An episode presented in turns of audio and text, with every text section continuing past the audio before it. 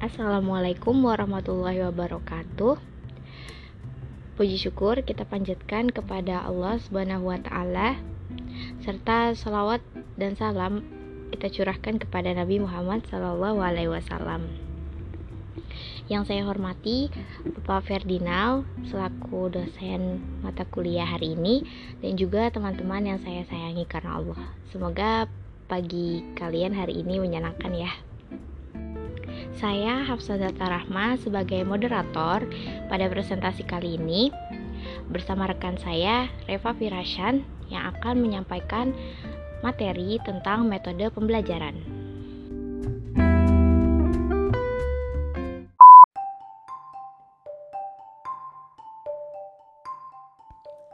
Pengertian metode pembelajaran Metode berasal dari bahasa Yunani, metodos, yang berarti cara atau jalan yang ditempuh. Fungsi metode berarti sebagai alat untuk mencapai tujuan.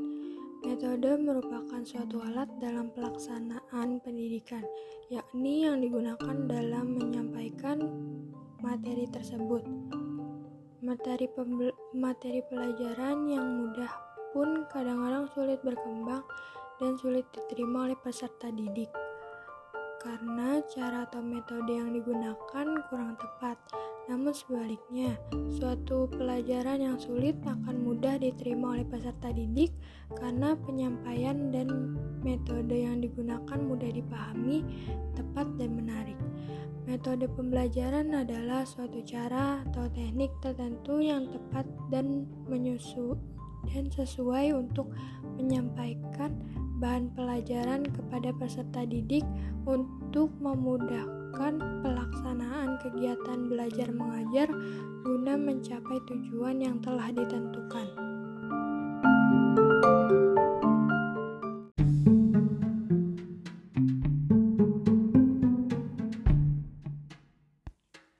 Macam-macam metode pembelajaran. Satu, metode pembelajaran konvensional ceramah. Ceramah adalah metodologi pembelajaran yang penyampaian informasi pembelajaran kepada murid dilakukan dengan cara lisan. Metode ini sangat cocok diterapkan di tempat dengan jumlah pendengar dengan yang cukup besar. Metode ceramah bisa diaplikasikan di dalam kelas atau di dalam gedung dengan jumlah murid yang cukup banyak.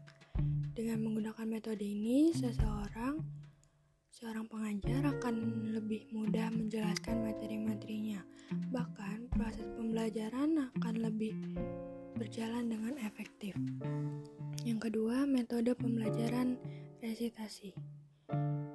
Metode pembelajaran resitasi merupakan metode pengajar mengajar dengan siswa yang diharuskan membuat resume tentang materi yang sudah disampaikan guru dengan menuliskannya pada kertas dan menggunakan bahasa sendiri. Tiga Metode pembelajaran tanya jawab. Metode tanya jawab adalah metode yang dalam menyampaikan suatu informasi dilakukan melalui interaksi antara guru dan murid. Metode satu ini adalah suatu cara untuk menyampaikan pelajaran sekolah dengan cara guru dengan cara seorang guru memberikan pertanyaan kepada murid. Selain itu, metode ini dilakukan untuk melihat sejauh mana pemahaman murid terhadap materi-materi yang disampaikan oleh guru. Metode tanya jawab ini berisi interaksi antara guru dan murid. Kedua belah pihak harus sama-sama aktif dalam proses jalannya pembelajaran. Oleh karena itu, bertanya dalam metode pembelajaran yang dianggap penting dan bagus dalam mem membimbing setiap murid. Metode bertanya juga memiliki manfaat dalam pro produk produktivitas murid dan ke keefektifan belajar. Kelima, ada metode pembelajaran eksperimen. Metode ini bukan sekedar metode mengajar, tetapi juga mengajar satu metode berpikir. Dalam eksperimen dapat menggunakan metode lainnya, dimulai dari menarik data sam sampai menarik kesimpulan. Metode eksperimen adalah cara penyajian pelajaran di mana siswa melakukan percobaan dengan mengalami dan membuktikan sendiri suatu sesuatu yang dipelajari. Yang keenam, metode pembelajaran latihan atau drill. Metode latihan atau drill adalah metode yang dapat digunakan untuk menyampaikan materi pelajaran atau informasi melalui bentuk latihan-latihan. Metode ini mendidik murid Metode metode latihan mendidik murid ini berfungsi untuk melatih keterampilan fisik secara mental. Metode latihan memiliki berbagai tujuan. Salah satu tujuannya adalah untuk melatih mental setiap murid untuk terbiasa dalam hal-hal tertentu. Metode ini sangat berkaitan dengan pembentukan kecerdasan motorik anak seperti kecerdasan dalam menyelesaikan permasalahan pada situasi dan kondisi tertentu. Yang ketujuh, ada metode pembelajaran inquiry. Metode inquiry adalah metode pembelajaran di mana siswa dituntut untuk lebih aktif dalam proses penemuan penempatan siswa lebih banyak belajar sendiri serta mengembangkan keaktifan dalam memecahkan masalah. Diawali dari pengamatan terhadap fenomena, dilanjutkan dengan kegiatan-kegiatan bermakna untuk menghasilkan temuan yang diperoleh sendiri oleh siswa. Dengan demikian, pengetahuan dan keterampilan yang diperoleh tidak dari hasil mengingat seperangkat fakta, tetapi hasil menemukan sendiri dari fakta yang dihadapinya.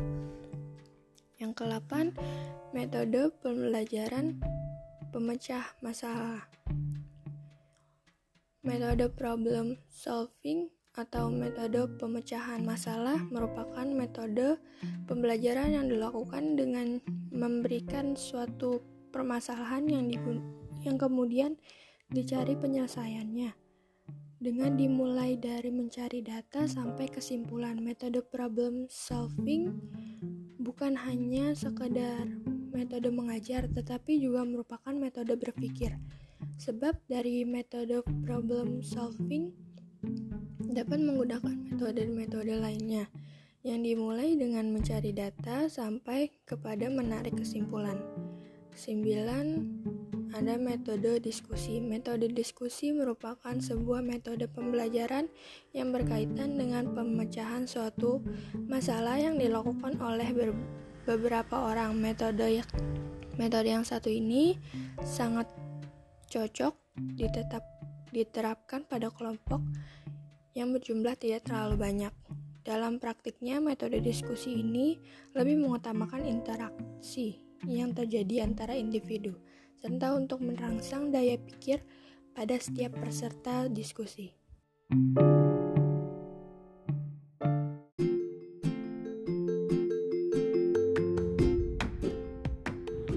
Oke, selanjutnya kita ke pembahasan ketiga yaitu kelebihan dan kekurangan di setiap metode yang udah dijelasin sama Reva sebelumnya. Uh, sebelum aku memulai, aku ingin mengingatkan ke teman-teman nih quotes dari Pak Ferdinand, jadilah guru terbaik karena itu akan mengantarmu menuju surga. Jadi uh, tujuan dari metode-metode tersebut itu untuk memaksimalkan kita sebagai guru agar dapat uh, menyampaikan materi pembelajaran dengan baik dan benar gitu. Agar anak-anak yang kita ajar itu juga mendapatkan manfaatnya lebih baik lagi dan juga lebih banyak lagi. Oke, yang pertama tadi ada konvensional. Jadi, kelebihan dari uh, metode konvensional ini yang pertama, transfer ilmu yang disampaikan dari guru ke murid itu lebih banyak. Jadi, murid akan lebih leluasa untuk uh, menangkap ilmunya dan juga mereka akan merekam ilmu tersebut sebagai wawasan mereka. Yang kedua, melatih bahasa. Terutama untuk anak usia dini, jadi dengan uh, guru menyampaikan dengan bahasa yang baik dan benar, itu akan terekam dan akan ditiru oleh anak anak-anak tersebut. Yang ketiga, mudah dilaksanakan. Jadi dalam metode ini uh, murid tidak perlu melakukan hal yang sulit atau ribet. Jadi mereka hanya perlu mendengarkan dan fokus terhadap apa yang disampaikan oleh guru aja. Dan guru juga tidak perlu terlalu banyak mempersiapkan materi yang akan disampaikan atau persiapannya lebih sedikit dari metode yang lainnya. Lalu yang keempat ada melatih kedisiplinan. Jadi, anak-anak akan dilatih untuk dapat mendengarkan dan fokus terhadap apa yang disampaikan oleh guru, duduk dengan tenang, terus menyimak apa yang uh, dikatakan oleh guru. Yang kelima, tentunya metode ini melatih fokus dan daya serap uh, anak. Kemampuan anak untuk menangkap apa yang disampaikan dan juga untuk melatih uh, memori mereka. Lalu ada kekurangannya, pasti ada kekurangannya. Yang pertama adalah satu arah. Jadi sistem pembelajarannya itu satu arah. Hanya terpaut oleh uh, guru saja yang menyampaikan. Jadi kurang ada interaksi dan uh, jatuhnya kurang menarik terutama untuk anak-anak usia dini. Mungkin untuk anak seumuran kita lebih lebih nyaman ya digunakan tapi untuk anak usia dini metode konvensional yang ceramah ini um, mungkin agak kurang menarik oke lalu yang kedua metode resitasi jadi kelebihan dari resitasi ini jadi anak itu bisa termotivasi untuk melakukan aktivitas belajar individual maupun kelompok Lalu anak juga dapat mengembangkan kemandiriannya e, di luar pengawasan guru.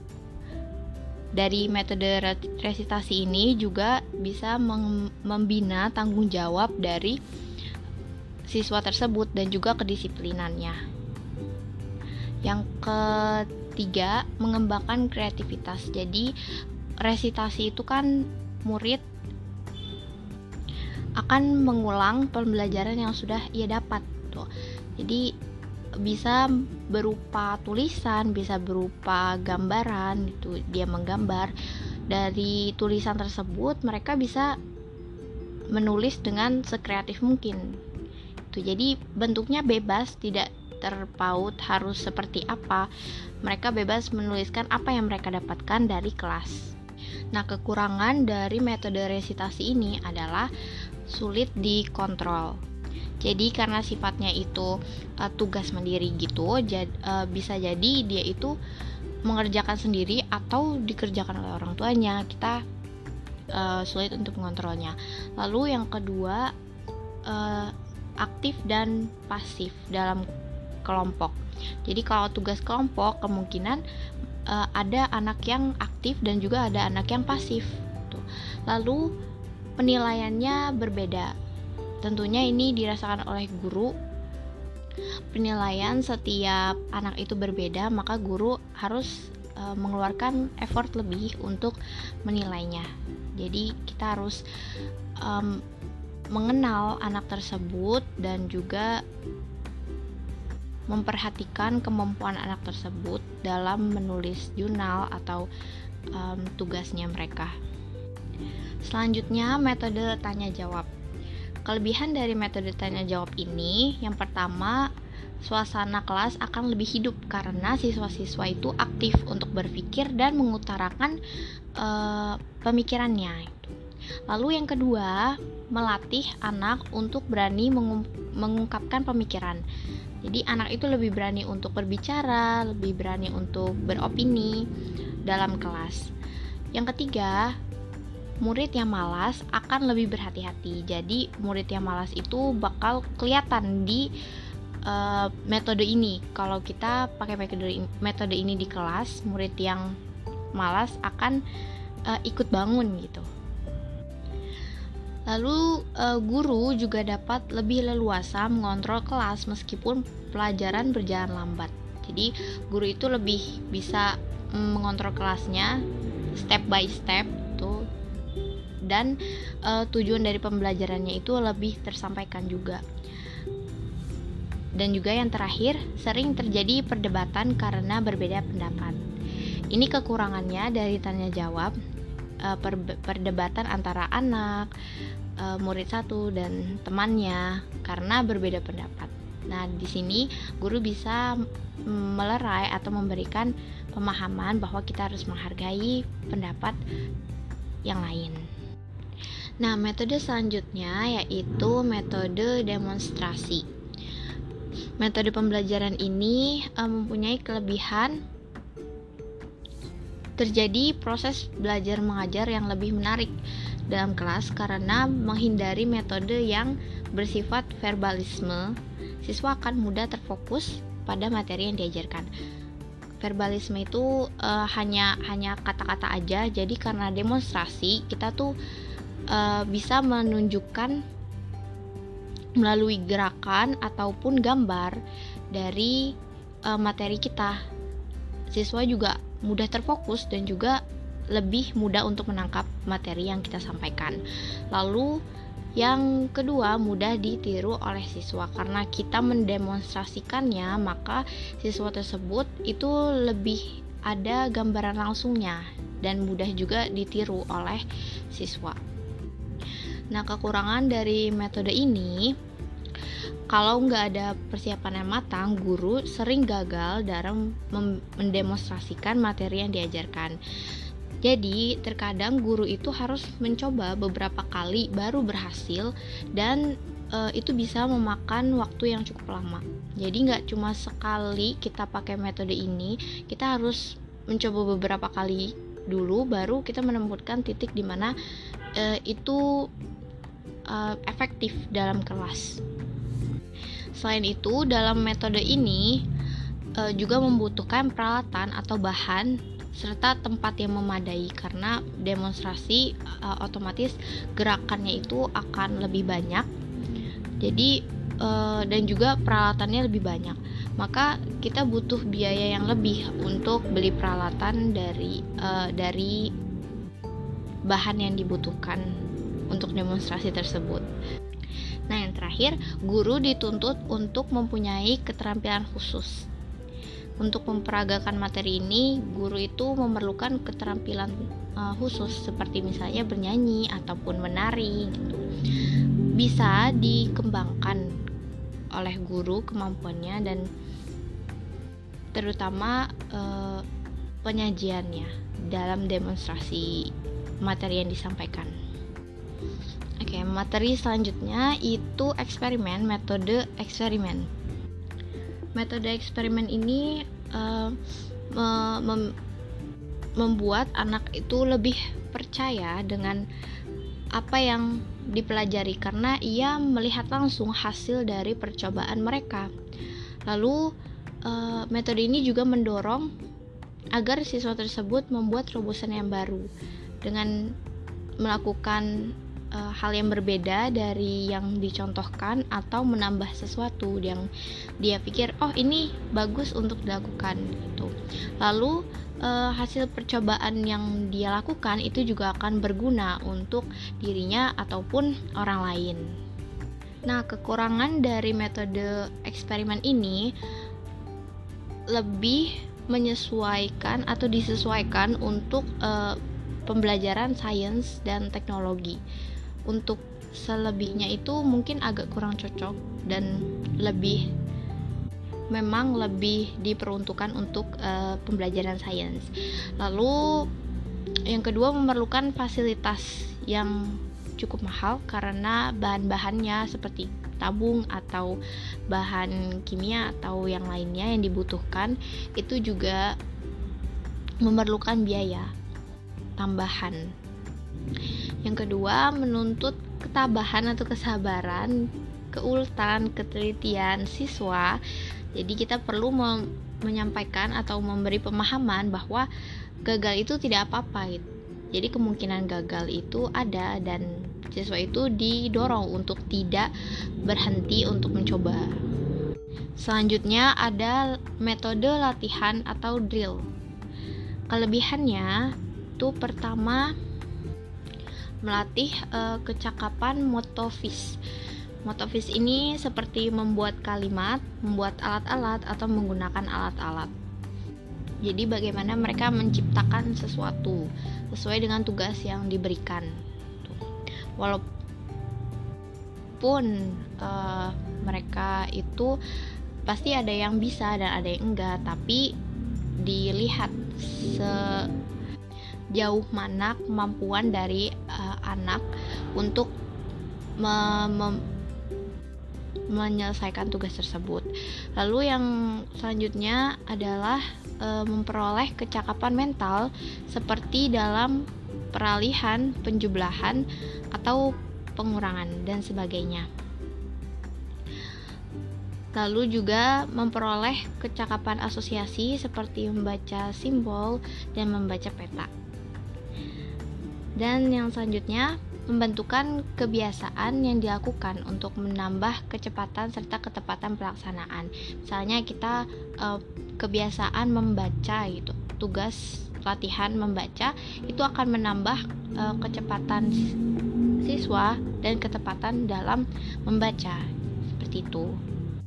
Kekurangannya adalah mm, menghambat bakat dan inisiatif siswa. Jadi kayak uh, kadang mereka tuh uh, karena terpaksa akhirnya mengerjakannya dengan ya seikhlasnya atau uh, karena tugasnya ini aja jadi mereka hanya mengerjakan hal itu saja gitu. Latihan yang diberikan saja. Yang kedua menimbulkan penyesuaian statis penyesuaian statis ini uh, mereka jadi terbiasa untuk mendapatkan tugas. Kalau nggak ada tugas itu akhirnya kalau terbiasa nih kalau nggak ada tugas mereka akan uh, merasa ada yang kurang. Dan juga karena terbiasa untuk mendapatkan tugas mereka merasa tidak harus melakukan yang lain gitu. Dan juga uh, mudah bosan. Anak mungkin akan lebih mudah bosan dalam pemakaian metode ini karena e, mereka jadi terbiasa dengan tugas-tugas yang diberikan, tidak ada tantangan yang baru gitu. Selanjutnya ada metode inquiry. Jadi inquiry ini di mana e, anak itu menemukan sesuatu dari e, kegiatan pembelajaran. Jadi anak dipaut dituntut untuk uh, melatih strategi pemecahan masalahnya dari materi yang diberikan. Lalu uh, dalam metode ini juga anak dilatih untuk kreatif. Jadi mereka menemukan hal baru. Kita dorong untuk um, menemukan hal baru untuk mengatasi masalah yang disediakan dalam kelas gitu. Lalu selanjutnya membiasakan siswa untuk menganalisa dan menuangkan ide yang dimiliki. Jadi dalam inquiry ini uh, siswa juga dibiasakan untuk menuangkan idenya, apa yang mereka uh, dapatkan dan temukan dalam pembelajaran ini. Gitu.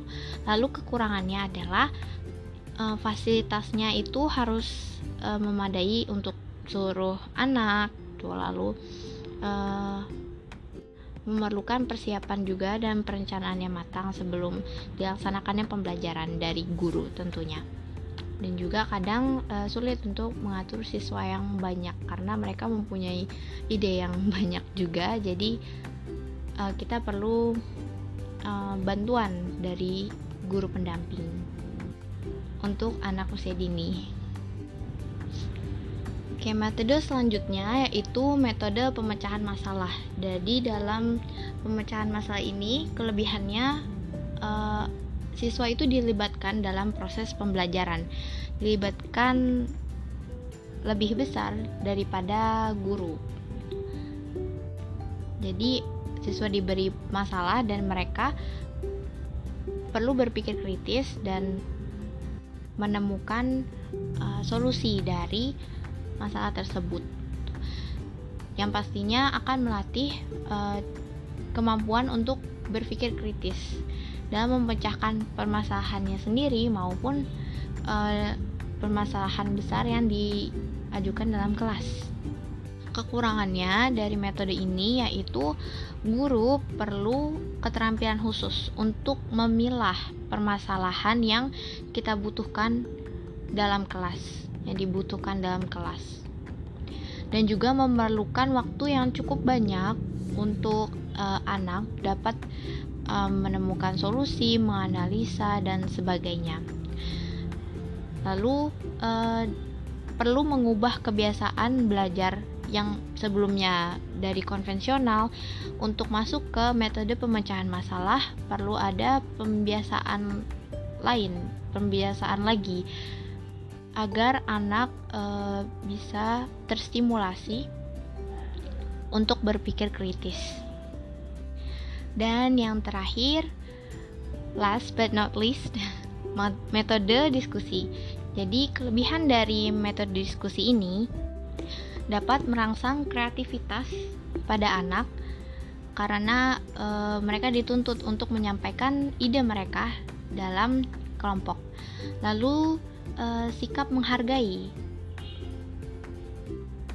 dengan pendapat e, yang disampaikan oleh temannya yang lain. Lalu juga bisa memperluas wawasan karena e, ada beberapa otak dalam satu kelompok akan uh, muncul wawasan yang lebih luas tidak hanya pemikirannya sendiri itu uh, dan juga membiasakan untuk bermusyawarah. Kekurangan dari metode ini yang pertama berbicara terlalu panjang atau uh, ada siswa yang mendominasi dalam satu kelompok. Karena kemampuan bicaranya yang lebih dari teman-teman yang lain dia akan lebih aktif untuk berbicara dan mengurangi kesempatan temannya yang lain untuk um, mengutarakan ide itu karena kita dituntut untuk menghargai dan mendengarkan pendapat uh, siswa tersebut maka uh, kita perlu mengontrol anak-anak yang uh, aktif berbicara agar uh, teman yang lain dapat kesempatan.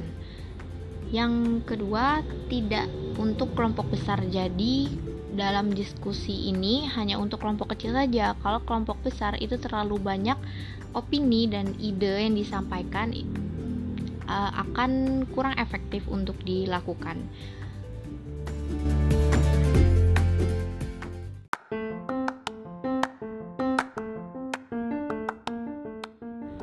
Oke, kita masuk ke pembahasan keempat yaitu simulasi metode pembelajaran.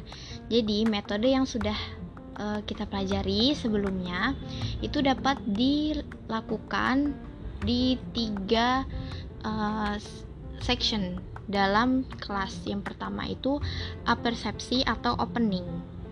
Jadi dalam opening metode yang digunakan itu uh, lebih mengutamakan yang engage atau berinteraksi dengan anak-anak seperti metode tanya jawab dan juga bisa dengan metode demonstrasi karena tujuan utama dari apersepsi ini untuk meningkatkan uh, ketertarikan anak dalam belajar dan juga metode yang uh, dapat digunakan untuk waktu yang singkat karena apersepsi itu disarankan tidak uh, memakan waktu yang le lebih banyak dari materi inti.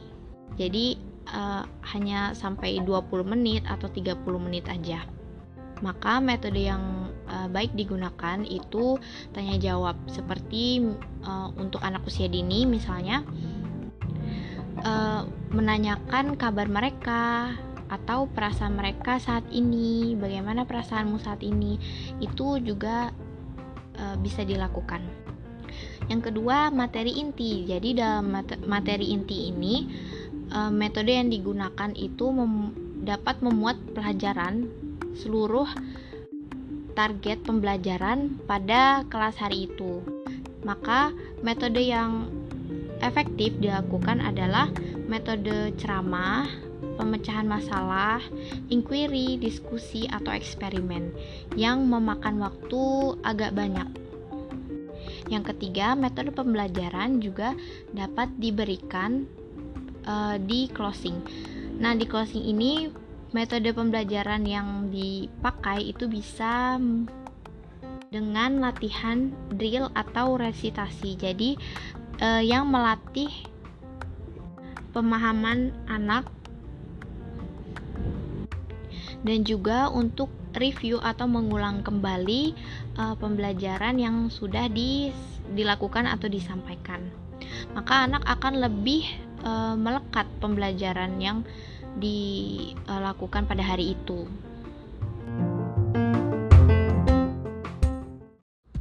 Oke teman-teman, uh, terima kasih sudah mendengarkan presentasi dari kami.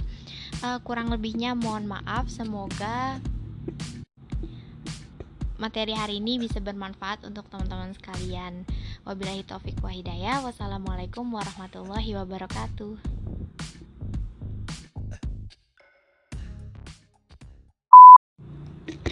Uh, terima kasih banyak teman-teman yang sudah mendengarkan.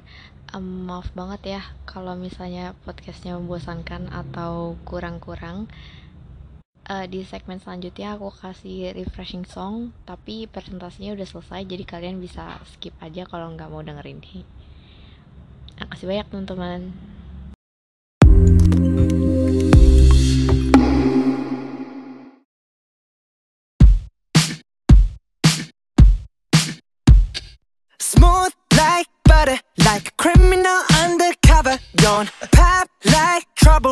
trouble, into your heart like that.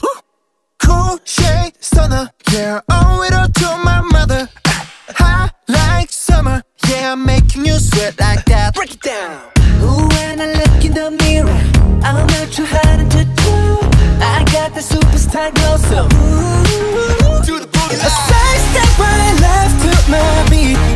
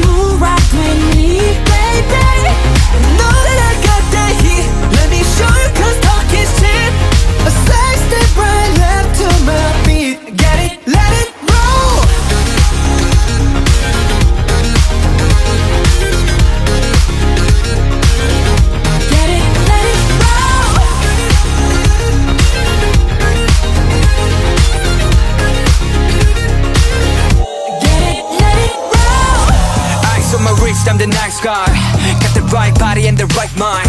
Rolling up the party, got the right vibes. Move like haters. Fresh boy, pull up and we lay low. All the bands get moving with the bass low. Got army right behind us when we say so. Let's go